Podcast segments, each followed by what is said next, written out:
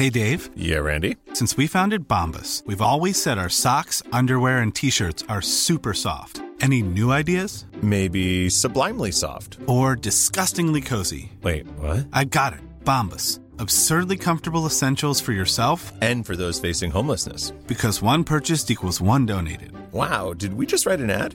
Yes. Bombas. Big comfort for everyone. Go to bombas.com slash ACAST and use code ACAST for 20% off your first purchase. Hey, it's Ryan Reynolds, and I'm here with Keith, co star of my upcoming film, If, only in theaters, May 17th. Do you want to tell people the big news? All right, I'll do it. Sign up now and you'll get unlimited for $15 a month in six months of Paramount Plus Essential Plan on us. Mintmobile.com slash switch. Upfront payment of $45 equivalent to $15 per month. Unlimited over 40 gigabytes per month. Face lower speeds. Videos at 480p. Active Mint customers by 531.24 get six months of Paramount Plus Essential Plan. Auto renews after six months. Offer ends May 31st, 2024. Separate Paramount Plus registration required. Terms and conditions apply if rated PG. Hold up. What was that? Boring. No flavor. That was as bad as those leftovers you ate all week. Kiki Palmer here, and it's time to say hello to something fresh and guilt-free. Hello Fresh. Jazz up dinner with pecan-crusted chicken or garlic butter shrimp scampi. Now that's music to my mouth. Hello Fresh. Let's get this dinner party started. Discover all the delicious possibilities at hellofresh.com. Okej, året är 2035 och du har precis köpt ditt första hus i Metaverse och nu ska du inreda det. Vilka digitala konstverk står högst upp på önskelistan? Ehm, Jag skulle börja med att sätta upp en bild på någon som metar. Fattar ni? Starkt. Ja. Nu får jag aldrig mer komma till Göteborg. Eh, nej, jag skojar. Men jag skulle sätta upp eh, ett gäng sådana här eh, NFT-apor. De, jag tycker de är fina. Men jag tänker att de också skulle kunna dansa och dansa ut efter mitt humör. Och jag har såklart köpt de här för svin mycket pengar. Och sen ska jag sälja dem för svin mycket pengar. Så jag går plus minus noll. Oj, eh, mitt svar var inte alls så eh, invecklat. Jag tänkte bara på så här, vilken konst eh, skulle jag sätta upp precis som jag skulle sätta upp det hemma, vilket kanske säger någonting om min bild av metaverse. Men eh, jag tänkte på en illustratör som jag gillar väldigt mycket som heter Emilia Jubak. Hon gör jättefina illustrationer, bland annat till svenska barnböcker. Jag blev väldigt glad av dem. Ja, Ja. det är mitt svar. Du då Simon? Jag blev imponerad på äh, apkonceptet ändå. Ehm, ja, men jag tänkte mig nog också lite mer traditionalistiskt, men jag tänker att eftersom vi rör oss i en slags VR-värld så något liksom, ganska tredimensionellt, alltså typ så här en av eh, Louise Bourgeois jättespindlar i vardagsrummet eller en så här Richard Serras eh, stållabyrinter någonstans i trädgården, så att man får uppleva någonting. Helt rätt.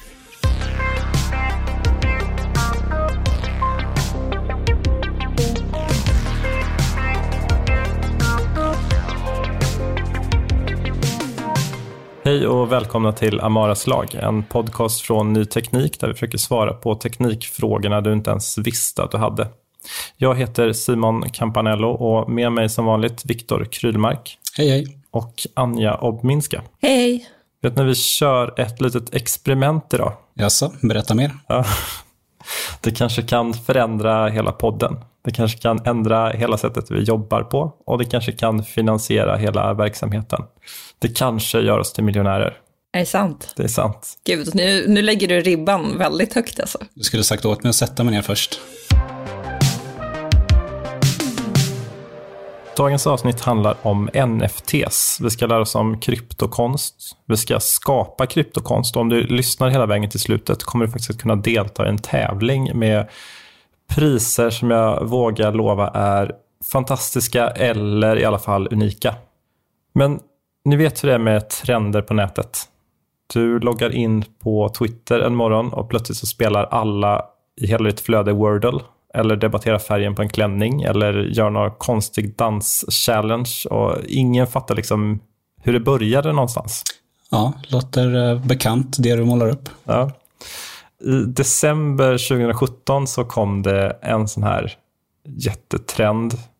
Och som ganska många gånger förr på internet så var det kattungar som tog folk med storm. When I show you what I'm holding, some of you might see a simple cartoon. Some of you might see a complex piece of engineering. You'd both be right. Meet Genesis, the first CryptoKitty. She's not alone.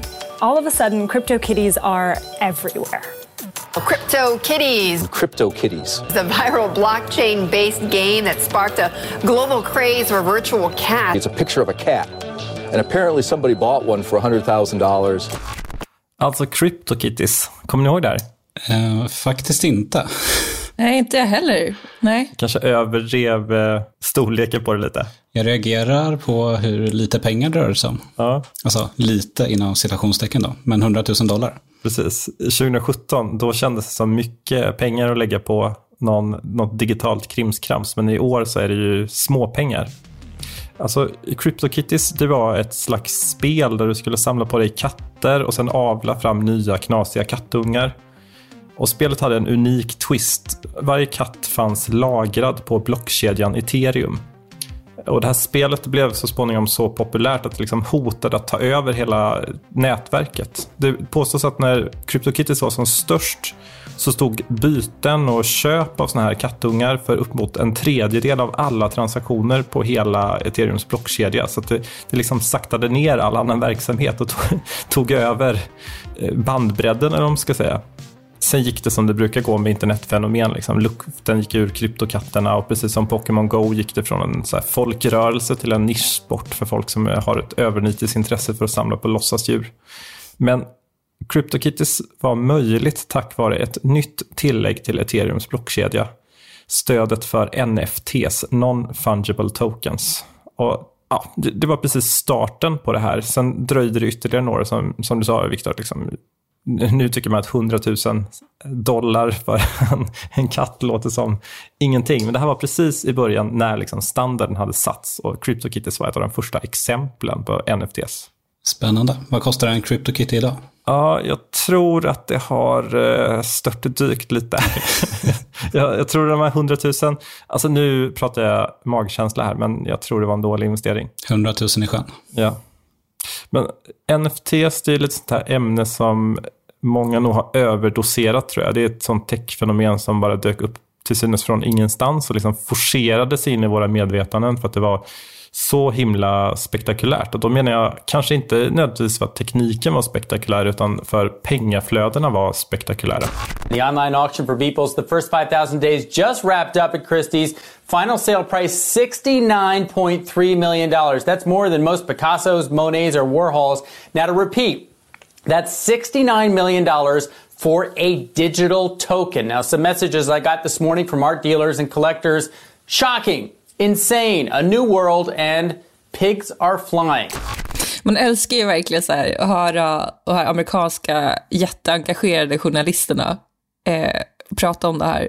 Det maxar liksom hela upplevelsen. De kan ju skapa en egen hype från nästan ingenting och när det dessutom finns en, en riktig hype så finns det väl ingen som kan förmedla det bättre än en så CNBC-reporter som eh, står och hoppar på stället medan han eh, skrikpratar. Okej, okay, men under hela förra året, vi såg liksom ett prisrally på NFTs. Eh, om de här CryptoKitties gick för toppnoterades på 100 000 dollar så gick ju NFTs nu den här omgången ganska snabbt över miljondollarstrecket. Toppnoteringen hittills är ett verk som heter The Merge av artisten Pack. Den såldes till en grupp av 30 000 intressenter som hade gått ihop och betalat 91,8 miljoner dollar för den i december. Vad tänker ni om prislappen? Ja, vad tänker jag om den? Det är pengar jag inte har. ja, jag känner också så här, hur, vad kan vi göra för att in alla dessa pengar och använda det till någonting gott? Ja, det kanske används till något gott, vi vet inte riktigt. Jag försökte jämföra lite med, med vanliga konstköp. Om jag kollar på en lista över förra årets största publika konstauktioner, så etta på listan var en oljemålning av Picasso som såldes för 103 miljoner dollar. Alltså drygt 10 miljoner över den här NFTn. Eh, men The Merge hade liksom legat på en stadig fjärde plats mellan en Botticelli-målning från runt 1480 som gick för 92 miljoner dollar och en helt otrolig Mart Rothko-målning som gick under klubban för dryga 82 miljoner dollar. Så det, liksom, det, det har kommit från ingenstans och efter ett års hype så går det största verket för en summa som är i paritet med liksom den absolut dyraste konsten som säljs på öppna marknaden. Jag förstår inte varför man hellre skulle vilja ha en, en digital bild jämfört med en liksom fysisk tavla. Nej, det blir något så här...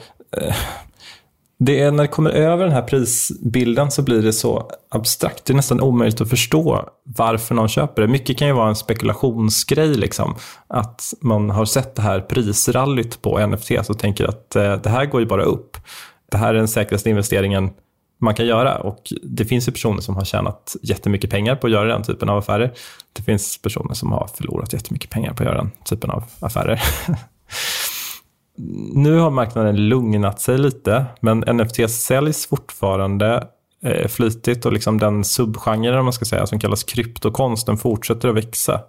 Jag har pratat med Alexandra och Alexander Antonov som eh, sedan några år tillbaka driver ett online-galleri som heter Artely där de säljer exklusiv modern svensk konst på nätet. Och för ett par veckor sedan så breddade de sig och släppte sin första NFT-kollektion The Bridge, där tio etablerade svenska målare, alltså de menar jag målare som målar tavlor och inte målar vad man nu målar för NFTs i vanliga fall, eh, tar liksom där klivet ut i den virtuella konstvärlden. När NFT kom så kände vi att ja, det var någonting väldigt viktigt för oss och för hela konstmarknaden och någonting som vi borde absolut eh, titta på och ta in. Och nu har vi lanserat eh, vår eh, NFT-vertikal, så det är en egen NFT-konstplattform som vi har. Och på det sättet har vi liksom öppnat upp möjligheterna för våra konstnärer. Nej, men man kan säga liksom rent generellt eh, också varför vi, vi startat en NFT-vertikal hos oss är ju för att vi vill säkerställa att även liksom konsten förs ut i den virtuella världen. Ehm, det vi, man ser mycket av idag, som lite slentrianmässigt kallas för konst, det är ju alla de här samlarbilderna. Och det finns egentligen idag inga konstaktörer som, som jobbar med NFT. Så vi liksom, man ser att vi som jobbar med konst har, en, har ett ansvar att säkerställa att konsten liksom hittar sin plats och förs ut även till den virtuella världen var några veckor sedan ni, ni släppte den här första kollektionen. Då. Hur har det gått hittills? Ja, det har gått jättebra. Vi, eh, NFT-marknaden är så liten och speciellt den svenska NFT-marknaden är otroligt liten så vi har inte haft några jättestora så här, förhoppningar att nu kommer vi eh, sälja så att, uh, jättemycket. Men redan efter första veckan hade vi sålt för en fjärdedel av kollektionen och för, för 100 000 kronor. Så att det har ju varit, nej, vi är väldigt överväldigade och känns otroligt kul och spännande mm. att få en sån start. Alltså jag tycker det var lite intressant, um, alltså ett, jag hängde inte riktigt med där i, de sa någonting vertikal och jag vet inte om det kanske är helt uppenbart för alla andra, men där hängde jag inte med. Men två... En affärsgren kanske man kan säga. Ja, ja, ja. ja men då så.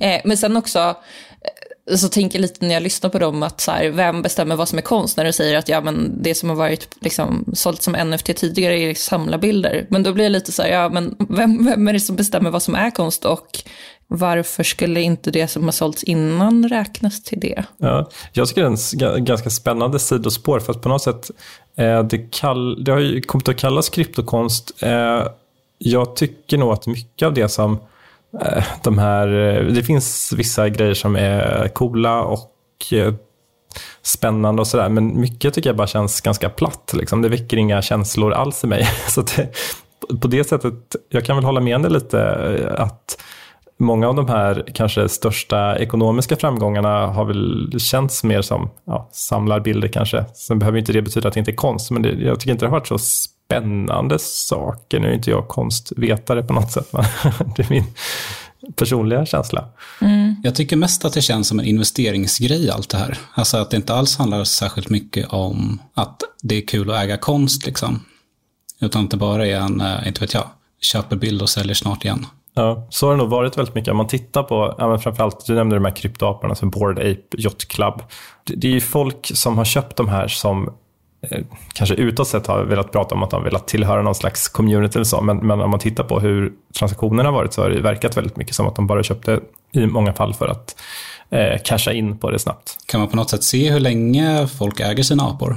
Ja, eftersom allting ligger på blockkedjan så är det ju helt publikt vilken, vilket konto som eh, har en apa till exempel. Eh, hur många gånger den har sålts och så. Här. Det är väldigt lätt att kartlägga NFTs hur de byter ägare så att säga. Det, det, finns ju inbakat i hela systemet. Vi ska prata mer om det sen, men det är ju lite av skärmen också på något sätt att det är väldigt publikt. Eh, man, man deklarerar väldigt tydligt att det här är min. Och det är svårt att ifrågasätta. Artly, de, de verkar ha lyckats här. De, de, har dragit igång för några veckor sedan. De har, eh, nu är den här inspelningen några dagar gammal, så jag har sett att de har sålt ytterligare verk efter det. Eh, men det är långt ifrån självklart att eh, det räcker liksom inte att skapa en NFT och sen bara vänta på att pengarna ska börja rulla in någonstans ifrån. För några veckor sedan så intervjuade jag eh, William Gilltoft som är specialiserad sig på investeringar i webb 3 och kryptobolag på riskkapitalbolaget Northzone. Och deras bedömning är att mellan 90 och 99 procent av alla dagens NFT-projekt kommer att gå i graven. Och jag menar, då är inte han någon superskeptiker. Hans jobb är liksom att hitta kryptoföretag att investera i. Ändå säger han att upp mot 99 procent av allt kommer, kommer liksom bli till noll. och det sätter de här stora summorna lite i perspektiv tycker jag. Man kanske inte ska hålla sin apa för länge. Eh, jag, jag, frågade Alexandra och Alexander om de hade några tankar kring vilka kryptokonstprojekt som blir framgångsrika medan andra eh, försvinner i glömska. Ja, det är en väldigt svår fråga, men, men alltså, i grunden är det ju den klassiska formen som styr, alltså det vill säga utbud och efterfrågan. Och rent generellt så det räcker ju inte med att bara minta en NFT oavsett hur bra eller häftig den är, eh, utan det finns ju några um, faktorer som har stor betydelse för kollektionen, alltså om den blir lyckad eller inte. Och eh, den ena väldigt viktiga då är ju att bygga en community kring ditt projekt. Det vill säga att du har människor som är engagerade i ditt projekt, tror på ditt projekt eh, och som vill vara en del av det. Och sen som Alexander sa precis innan, det är också väldigt viktigt att eh, man vet vilka som står bakom. Så att man, man ska inte vara anonym utan man behöver öppet tala om vilka det är för det genererar en trygghet och säkerhet för communityn så de vet vad de går in i. Om ni tänker på lite längre sikt, nu, nu är vi ju i väldigt tidigt skede av den här utvecklingen, även om det har gått väldigt snabbt rent ekonomiskt med NFT. Så att det, har liksom, det är något som har poppat upp och sen plötsligt omsätter miljarder. Men, men vi är fortfarande väldigt tidigt i utvecklingen. Vad, vad, tror ni att det kan betyda den här tekniken för konstvärlden just på lite längre sikt? Ja, det kommer betyda otroligt mycket. Man kan väl tänka sig så här, men vad ska man ha på väggarna i metaverse? man kommer ju också vilja ha bra konst på väggen i metaverse. Så det är lite dit vi är på väg och hela hela konstmarknaden och hela konstvärlden kommer ju flytta in eh, dit. Och man kan väl säga att både den fysiska konsten och den digitala konsten kommer ju säljas och ägas i form av NFT framöver. Och det gäller också för alla konstnärer att de kommer jobba med NFT på ett eller ett annat sätt. Eh, man kommer kanske jobba med egna kollektioner men man kommer också säkerligen vara med i olika NFT-projekt där man bidrar. Liksom så, här. så att riktningen är ganska tydlig och det kommer gå relativt snabbt nu så det är viktigt att man på något sätt hänger med den utvecklingen. Ja, vi ser. Det, det blir liksom väggarna på met i metaverse till slut. Mm, alltså det är intressant också för att Alltså vi skriver ju om teknik och innovation och ja, vårt poddnamn. Vi har pratat lite om det här. Men och det finns liksom den här hype-kurvan och sånt. Alltså jag, jag skulle vilja se in i framtiden om så här 15 år om de får rätt. Eh, för de säger liksom att den här vägen är så tydlig och alla liksom konstnärer kommer vara eh, NFTs. Och det är så intressant för att vi har ju hört den här typen av uttalanden om många saker förut och även i det fallet kan man ju tänka sig att det kanske är typ i 1% av alla fall där folk har sagt så som de har fått rätt och i 99% av fallen så har de inte fått rätt och sen sitter vi och läser om någonting 15 år senare som är så här, just det, den där grejen, ja men jag har nog vagt minne av att vi hörde om den tekniken och sen bara blev det ingenting alls. Ja, men alltså om man kollar typ så här i eh, spelvärlden, alltså Tänk er, um, vi tar Fifa som exempel, alltså fotbollsspelet Fifa.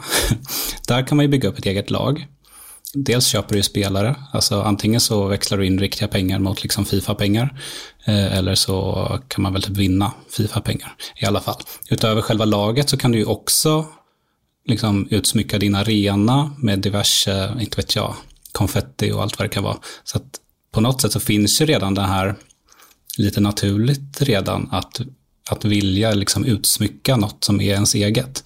Så att det är väl inte helt otänkbart att det skulle kunna bli så här även i konstvärlden då.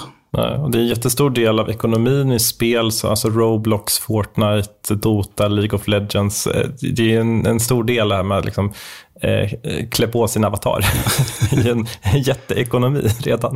Eh, men jag håller med, alltså jag har ju suttit så här, jag, jag har ju skrivit en massa artiklar om det här och suttit i en massa poddar och pratat om metaverse och NFT och webb 3 och jag känner hela tiden så här, det är minst 50 risk att någon kommer eh, skicka ett argt mejl om tio år och skratta åt mig för att jag sitter och pratar om det här. För att det, det skulle, det, man hela tiden väger mellan att det här kan vara något eh, nytt och fantastiskt eller så kan det vara nästa megaflopp, nästa Terranos eller vad som helst. Men vet du vad du ska svara då? Då svarar du bara tack för att du lyssnade. Ja, eller hur?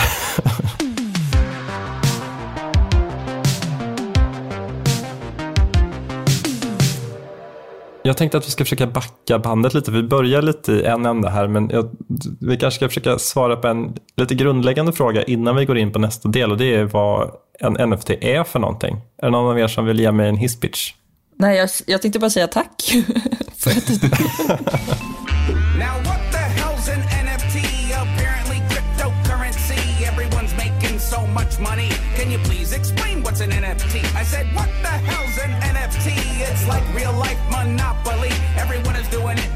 Gronkowski. Can you please help me make an NFT? Ja, jag vill egentligen bara spela den här eh, Pete Davidson-låten från Saturday Night Live när han driver med NFTs. Det är genast på bra humör. Ja, jag tänkte vi behövde, vi behövde en pick me up efter det här. Både efter och innan de olika krångliga ämnena. Okej. Men den här frågan, liksom, vad är en NFT? Det är väl vad väldigt många personer har ställt sig under hela 2021 och jag har sett så himla, himla många liknelser. Så många olika sätt att försöka förklara det här krångliga fenomenet. Det, är så här, det här är som en biljett, det här är som en polett, det här är som en nyckel, det här är ett digitalt ägandebevis som alla kan se och det kommer förändra allt. Men liksom, jag tänker vi är ändå en slags techpodd så vi kanske kan förklara på något lite krångligt sätt i alla fall. Och som man kanske har gissat redan, så en NFT i sin allra enklaste form så är det egentligen bara en unik token som lagras på en blockkedja. Alltså en liten, liten fil eh, som är helt unik med ett ja, unikt ID-nummer eller serienummer eller vad man ska kalla det. Eh, och den är kopplad till ett smart kontrakt, vilket eh, är ett smart sätt att skriva kontrakt på. Eh, men, men eh, det, det, är en pytteliten fil. Jag gick in på eh, den största NFT-plattformen som heter OpenSea och så kollade jag upp en av de billigaste NFTsen som jag hittade. Det var ett rymdskepp som kostade 40 kronor. Det var inte jättesnyggt. Sen gick jag in på den här tokenen, på liksom beskrivningen, det som ligger lagrat på blockkedjan, för att se vad det faktiskt stod där inne. Och det är en liten, var en liten sån här JSON-fil, alltså en typ databasfil, där det stod en superkort beskrivning av innehållet i bilden. Och så är det en länk till ett blogginlägg på skaparens hemsida och där stod det något om att det är något slags dataspel som håller på att byggas. Jag antar att man kan liksom låsa upp det här skeppet om man köper NFT. Då. Eh, och så finns det en länk till en lagringstjänst där själva bilden på rymdskeppet finns. Och det är väl egentligen vad det är. Så här, kryptokonst lagras inte på blockkedjan. Att lagra data på blockkedjan är liksom dyrt och opraktiskt. Så det är man får den här unika tokenfilen och så får man i den så sitter det en länk typ. Det låter sådär kul. Jag skulle också säga sjukt inspirerande det här. Ja, man, man, man, förstår ju att det är storslaget. Ja, men eh, nu börjar det kännas lite så här kejsarens nya kläder-vibbar. Ja, och eh, den här länken till bilden. Jag skulle ju kunna göra 10 000 NFTs som länkar till samma bild. Mm, men får man ett smart kontrakt då? Ja, det kan man väl få på köpet. Eh, men bilden kan ju vara densamma. Och det, det är liksom väldigt lätt att börja raljera kring NFT. Så jag tror, har man så besökt internet någon gång det senaste året så har man sett typ hundra skämt som går ut på ungefär att någon crypto bro köpte en board ape för hundratals tusen dollar och så kommer någon kul snubbe på att man kan gå in och skärmdumpa apan och så säger man så här, haha, jag snodde din konst. Tre av fem skämt. ja, men de första som gjorde det var väl lite kul. Ja, jag tycker att den har den här You didn't right-klickan NFT, liksom, eller eh, snubben som gjorde ett eh, Pirate Bay som innehöll bara eh, nedladdade bilder från olika från folks NFTs. Det, det har ju någonting liksom. Jag tror att man kanske tappar lite fokus på innovationen. Eller vad skulle ni säga? Ja, men lite va. Eh, det är som de här skämten, de är kul typ eh, första gången. Eh, man kanske småskrattar andra gången och sen är det så här, ja men, kom på något nytt. Precis. Saknar ni GDPR-skämten från 2000, vad det nu var? Inte alls. Eh, nej. Nej, ingen, alla har glömt dem. Ingen vill återuppliva dem. Okej, den här token-filen som ligger på blockkedjan, den är ändå unik. Den har liksom ett, ja men säg att den har ett unikt serienummer eller vad man vill. Och den ger mig en äganderätt som eh, liksom ingen kan bestrida och den är som sagt den är helt publik eftersom den ligger på blockkedjan. Alla kan se att det är jag som har tokenfilen i min kryptoplånbok. Det är ingen annan som har den. Selling a little or a lot? Shopify helps you do your thing however you cha-ching. Shopify is the global commerce platform that helps you sell at every stage of your business. From the launch your online shop stage to the first real life store stage, all the way to the did we just hit a million orders stage. Shopify is there to help you grow. Shopify helps you turn browsers into buyers with the internet's best converting checkout. 36% better on average compared to other leading commerce platforms because businesses that grow grow with Shopify. Get a $1 per month trial period at Shopify.com slash work. shopify.com/work. Ryan Reynolds here from Mint Mobile. With the price of just about everything going up during inflation, we thought we'd bring our prices down. So to help us, we brought in a reverse auctioneer, which is apparently a thing. Mint Mobile unlimited premium wireless. Have to get 30, 30, bit to get 30, bit to get 20, 20, 20, bit to get 20, 20, bit to get 15, 15, 15, 15 just 15 bucks a month. So, Give it a try at mintmobile.com slash switch. $45 upfront for three months plus taxes and fees. Promo rate for new customers for limited time. Unlimited more than 40 gigabytes per month. Slows. Full terms at mintmobile.com.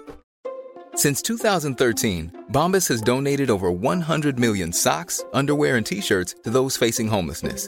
If we counted those on air, this ad would last over 1,157 days. But if we counted the time it takes to make a donation possible, it would take just a few clicks. Because every time you make a purchase, Bombas donates an item to someone who needs it.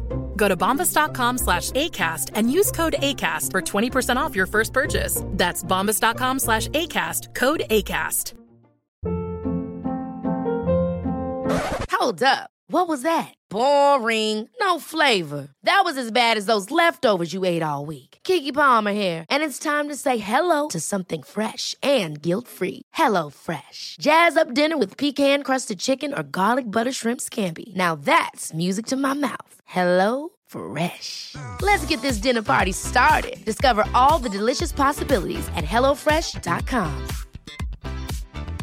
Hi, I'm Daniel, founder of Pretty Litter. Did you know cats tend to hide symptoms of sickness and pain? I learned this the hard way after losing my cat, Gingy. So I created Pretty Litter, a health monitoring litter that helps detect early signs of illness by changing colors, saving you money and potentially your cat's life. Pretty Litter is veterinarian developed, and it's the easiest way to keep tabs on your fur baby's health right at home. Go to prettylitter.com and use code ACAST for 20% off your first order and a free cat toy. Terms and conditions apply. See site for details.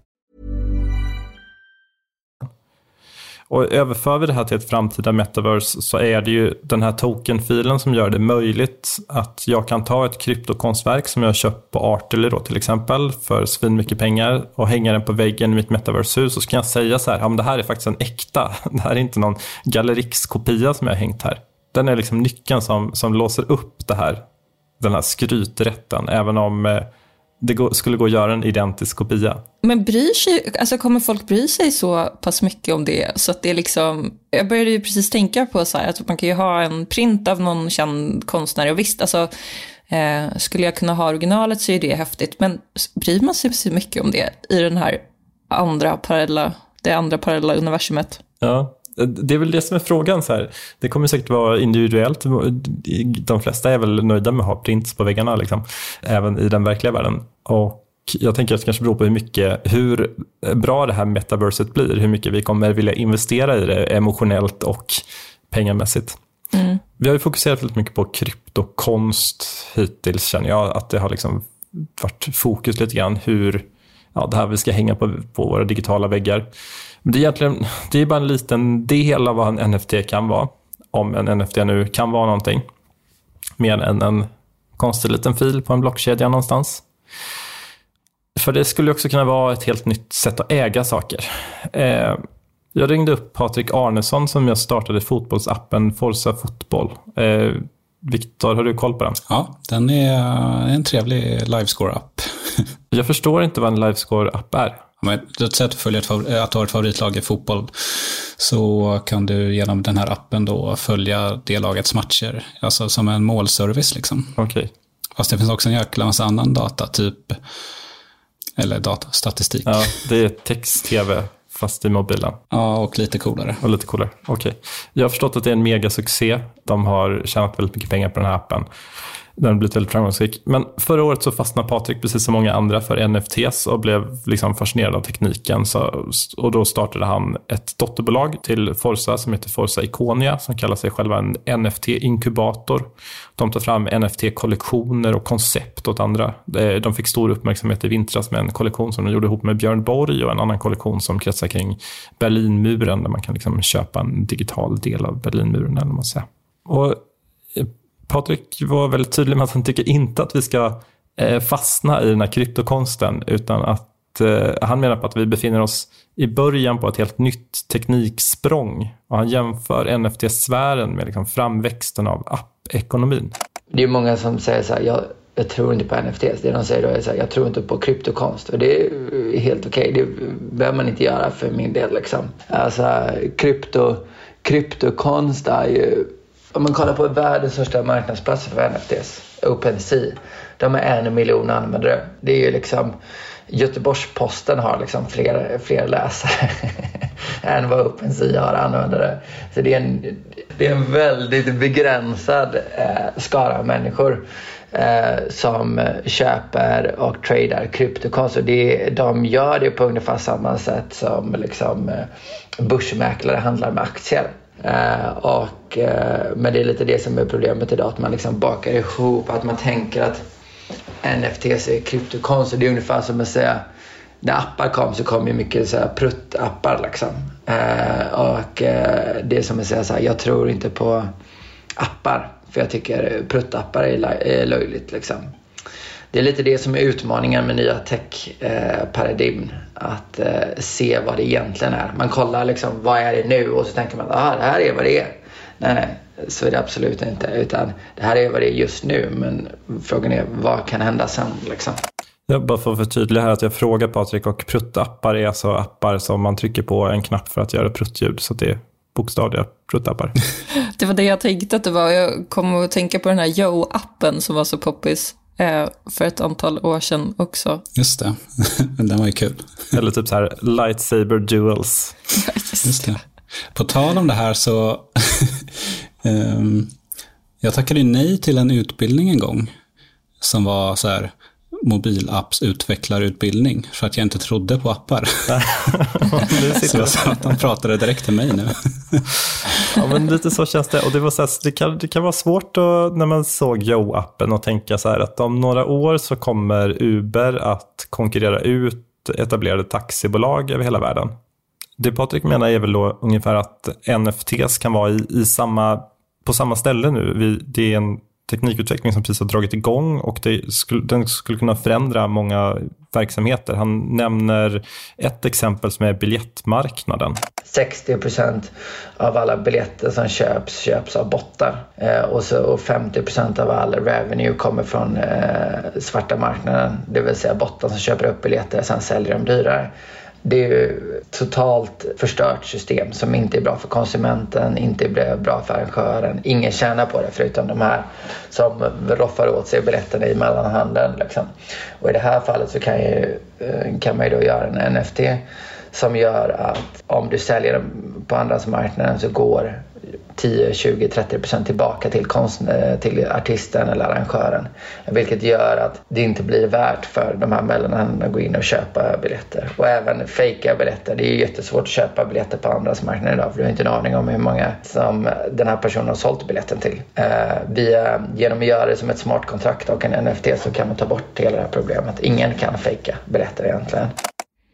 Mm. Jag börjar känna mig lite så här kanske som den griniga idag, för att jag, jag tycker det här har man ju hört förr. Någon säger så här, att en teknik ska bli lösningen på alla problem som har varit tidigare och nu kommer liksom, ja, det kommer vara, bli mer rättvist och folk kommer få ersättning sådär. Och så känner jag så här, ja, ehm, stämmer det verkligen? Ja, man eh, har ju verkligen hört liknande tongångar. Det fanns det här systemet Flatter där man skulle kunna typ eh, skicka en liten peng till en eh, skön webbsida som man besökte eh, och det skulle kunna ersätta hela annonsmarknaden till exempel.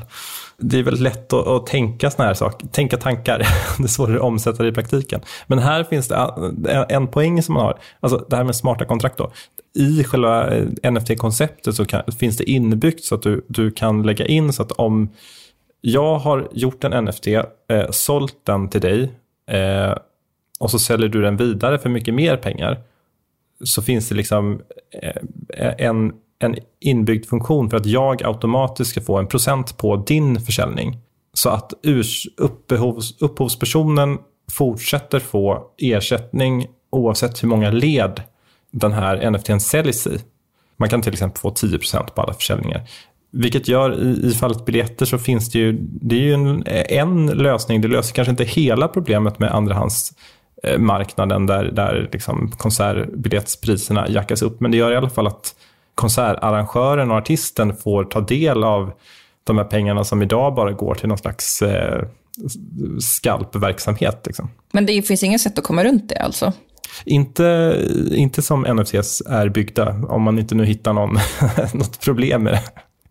Men, men det, finns, det går att bygga in i en NFT och det skulle gå att bygga in i biljetten då på något sätt.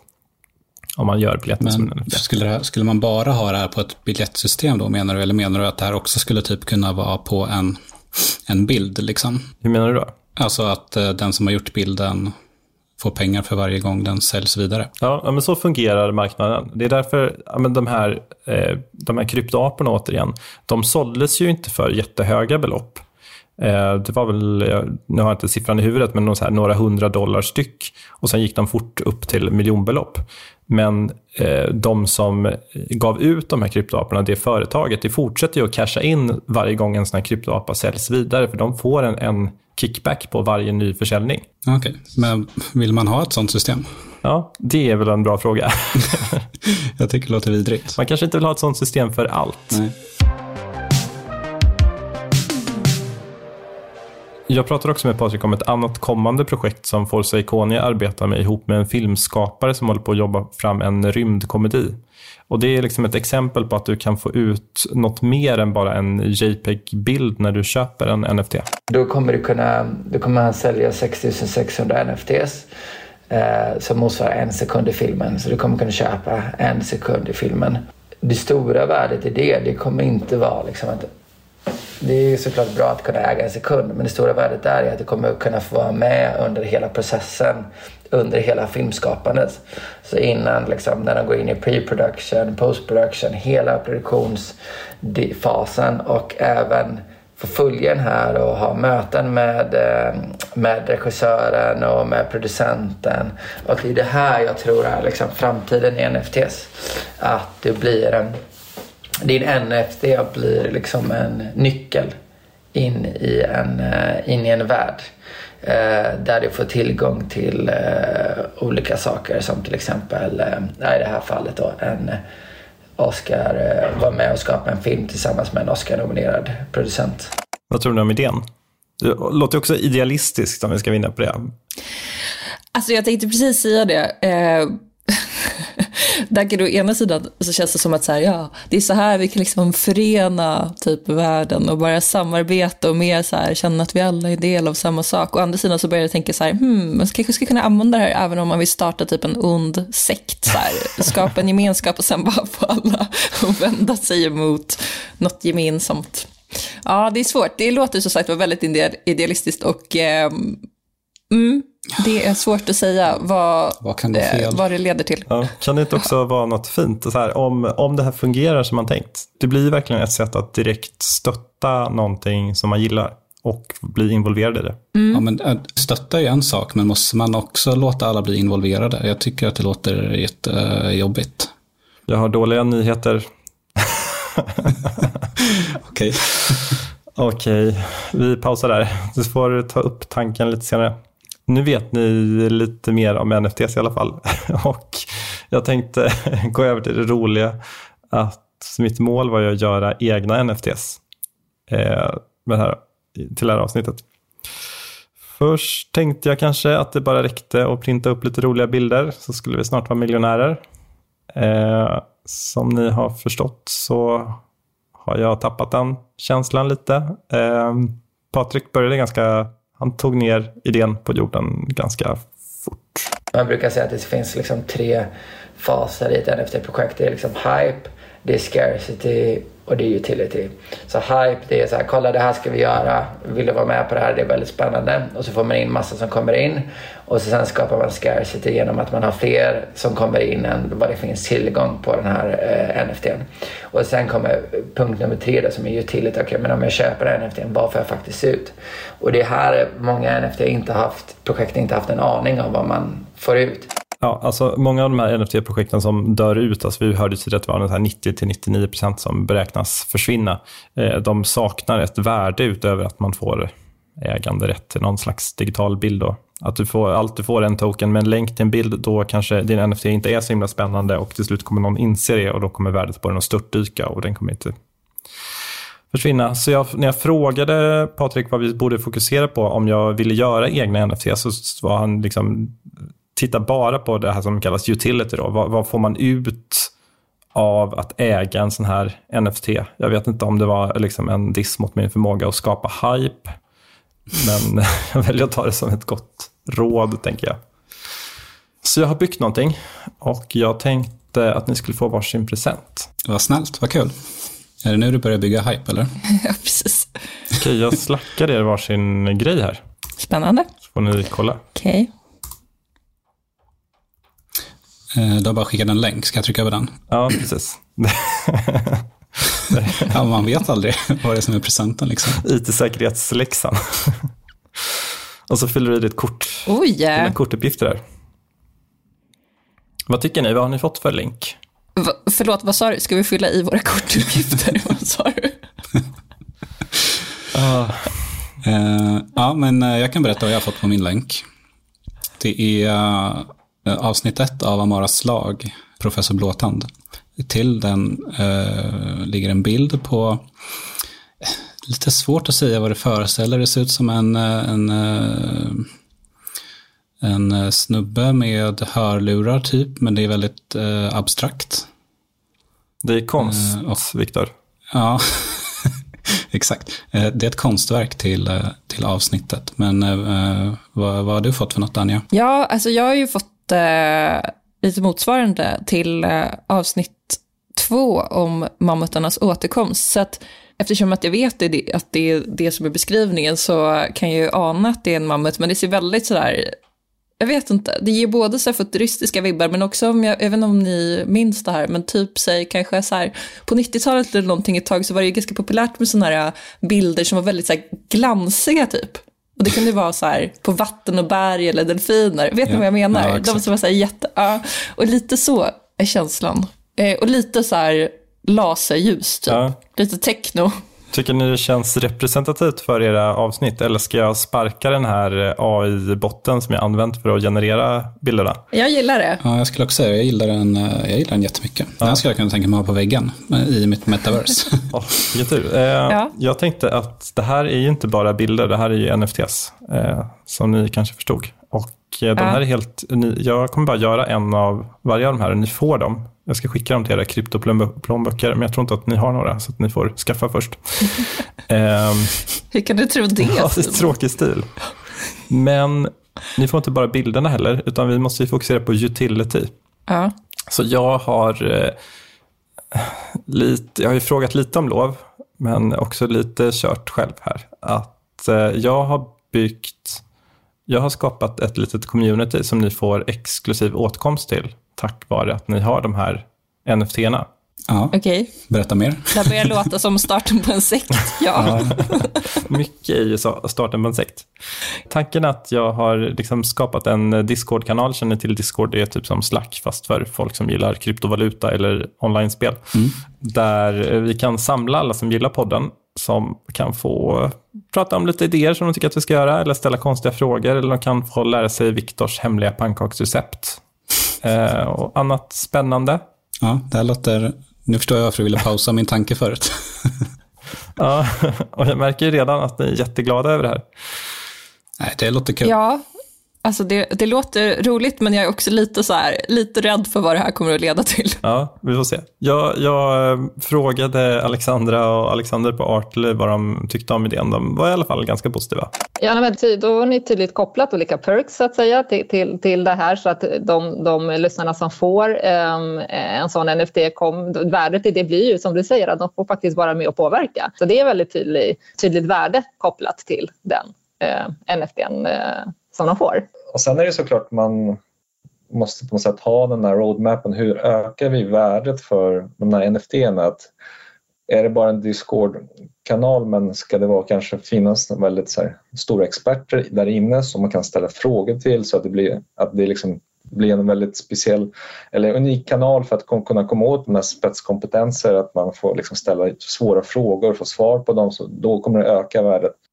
Eh, men jag, jag känner så här nu inför en NFT. Alltså fram tills att jag fick en NFT så har jag tyckt att det har varit jättejobbigt och liksom inte orkat sätta mig in i det. Men nu när jag fått allt fixat, att du har fixat allt åt mig så känner jag kul med NFT.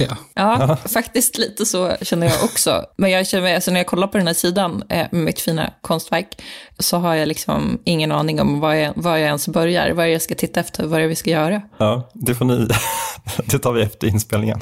Ja. Men det bästa då med de här, nu har ju vi fått våra, vars, våra superexklusiva NFTs. Jag har gjort en åt mig själv också.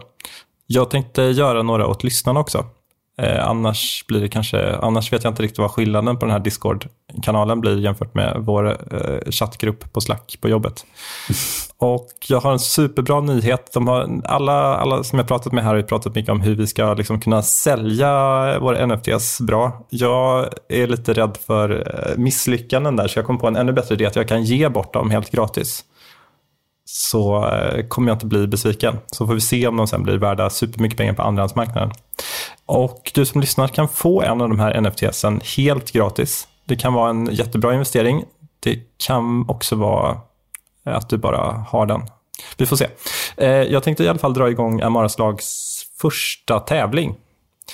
Om du vill ha en av våra NFTs och den här inbjudan till vår superhemliga, superexklusiva Discord-kanal där du kan få Viktors pannkaksrecept. Då behöver du dela det här avsnittet i dina sociala medier. Sen får du kontakta mig med bevis, typ en skärmdump eller länk till ditt inlägg. Och de första typ 15 personerna som gör det får varsin NFT. Lyckas det här så kan jag lova att eh, och efterfrågan skulle bli super, super stor så kanske jag kommer minta några till till nästa avsnitt om alla frågar mig snällt. Eh, mina kontaktuppgifter hittar du i avsnittsbeskrivningen och där finns också en länk till vår NFT-kollektion. Bra va? Det låter ju svinbra. Alltså som minst, alltså den minsta vinsten blir alltså att man får chatta med oss. Ja, precis. Eller vinst. Och jag vet, det kan ju också, många ser det som en förlust. Ja. Nu- nu- Vi skulle jobba på hype Simon. Det var en av ingredienserna. Jag, jag, har inte, jag har inte den naturliga fallenheten för att bli en sån crypto-miljonär tror jag. Men hörni, jag, vi har en, en idé till, om vi tar det ett steg till. Alexander på Artely hade, eh, han tog fram en idé som han ville testköra på oss. Eh, han har ju kört den på mig då, men jag tänkte att ni ska också få lyssna och bedöma. Någonting som jag har tänkt på när vi pratar om just att man kan koppla utilities eller liksom mervärde till de här NFT-erna. jag vet inte om ni kommer våga göra det, men era poddar blir ju större och större. när Ni har mer och mer publik. Det blir ju mer och mer värt att få, få vara med i era poddar och liksom komma ut och nå den lyssnarskaran som ni har. Tänk om man skulle kanske kunna lotta ut eller ha en eller två NFT där man då får vara med, den som har en NFT, att man får vara med och en av era poddar kanske en gång per år eller då blir värdet är ju liksom den möjligheten att kunna prata om sitt bolag, sin idé eh, till er publik. När man haft sin sändning så då har man förbrukat sin chans och då ska man då kunna sälja vidare till nästa. Så den som köper eh, NFT andra gång, då får de samma rättighet att kunna sända en gång i er podd. Och då blir ju liksom så att ju mer ni växer desto mer värde blir det i den här chansen att kunna få sända om sitt bolag. Och, sen, och då kan ni liksom koppla in där kanske att ni har en royalty till ja, 10, 15, 20 procent som ni kan få kickback till redaktionen på något sätt för att utveckla er. Och framåt, man tänker liksom några år framåt när ni kanske har flera hundratusen som följer. Hur mycket är den här NFT värd? 20, 40, 50 000? Och så här, det är liksom, ni når ju också väldigt bra publik som är viktiga för alla. Så att där, sådana här saker skulle man ju kunna lägga till och då, då blir det riktigt intressant. Ja, och ja. ni får Innan ni säger något så här tråkigt om eh, att det är en journalistisk produkt och vi kan inte sälja eh, intervjuspace och sånt där, får ni ändå säga vad ni tycker om idén. Det är ett ganska kul sätt att sälja annonser på.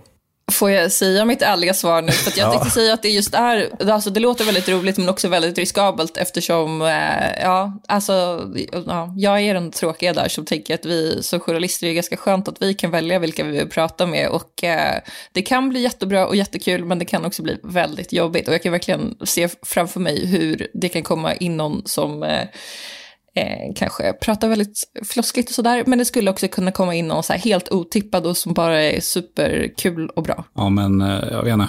Kör, säger jag. Vad fint att du tar på dig rollen som eh, good cup här i alla fall. Ja. Okej, eh, vi får se om vi har lyckats förändra hela podden med det här eller om eh, vi kommer bli en av de här 99% NFT-erna som bara dör ut. I sådana fall har vi i alla fall lyckats illustrera någonting tänker jag. Innan vi rundar av så vill jag också tipsa om en annan podd. I senaste avsnittet av investerarpodden Banking by Daniel är jag med och pratar om metaverse, webb 3 och NFT. Vi berör lite samma saker som här men fokuserar mer kanske på hur tekniken kan användas i ett metaverse. Det blev i alla fall ett kanonavsnitt tycker jag och det är en supertrevlig podd så sök gärna upp Banking by Daniel och lyssna på det. Och det var allt för idag. Glöm inte att prenumerera. Vi finns i poddflödet Allt du behöver veta om ny teknik. Och missa inte chansen att äga en unik Amaraslag NFT. Så delta i vår tävling om du har möjlighet. Gör det bara. Precis. Det kan vara sista chansen. Du kan bli miljonär eller inte. Disclaimer. Amaraslag är tillbaka i feeden om två veckor. Tack för att du lyssnade. Hej då. Hej då.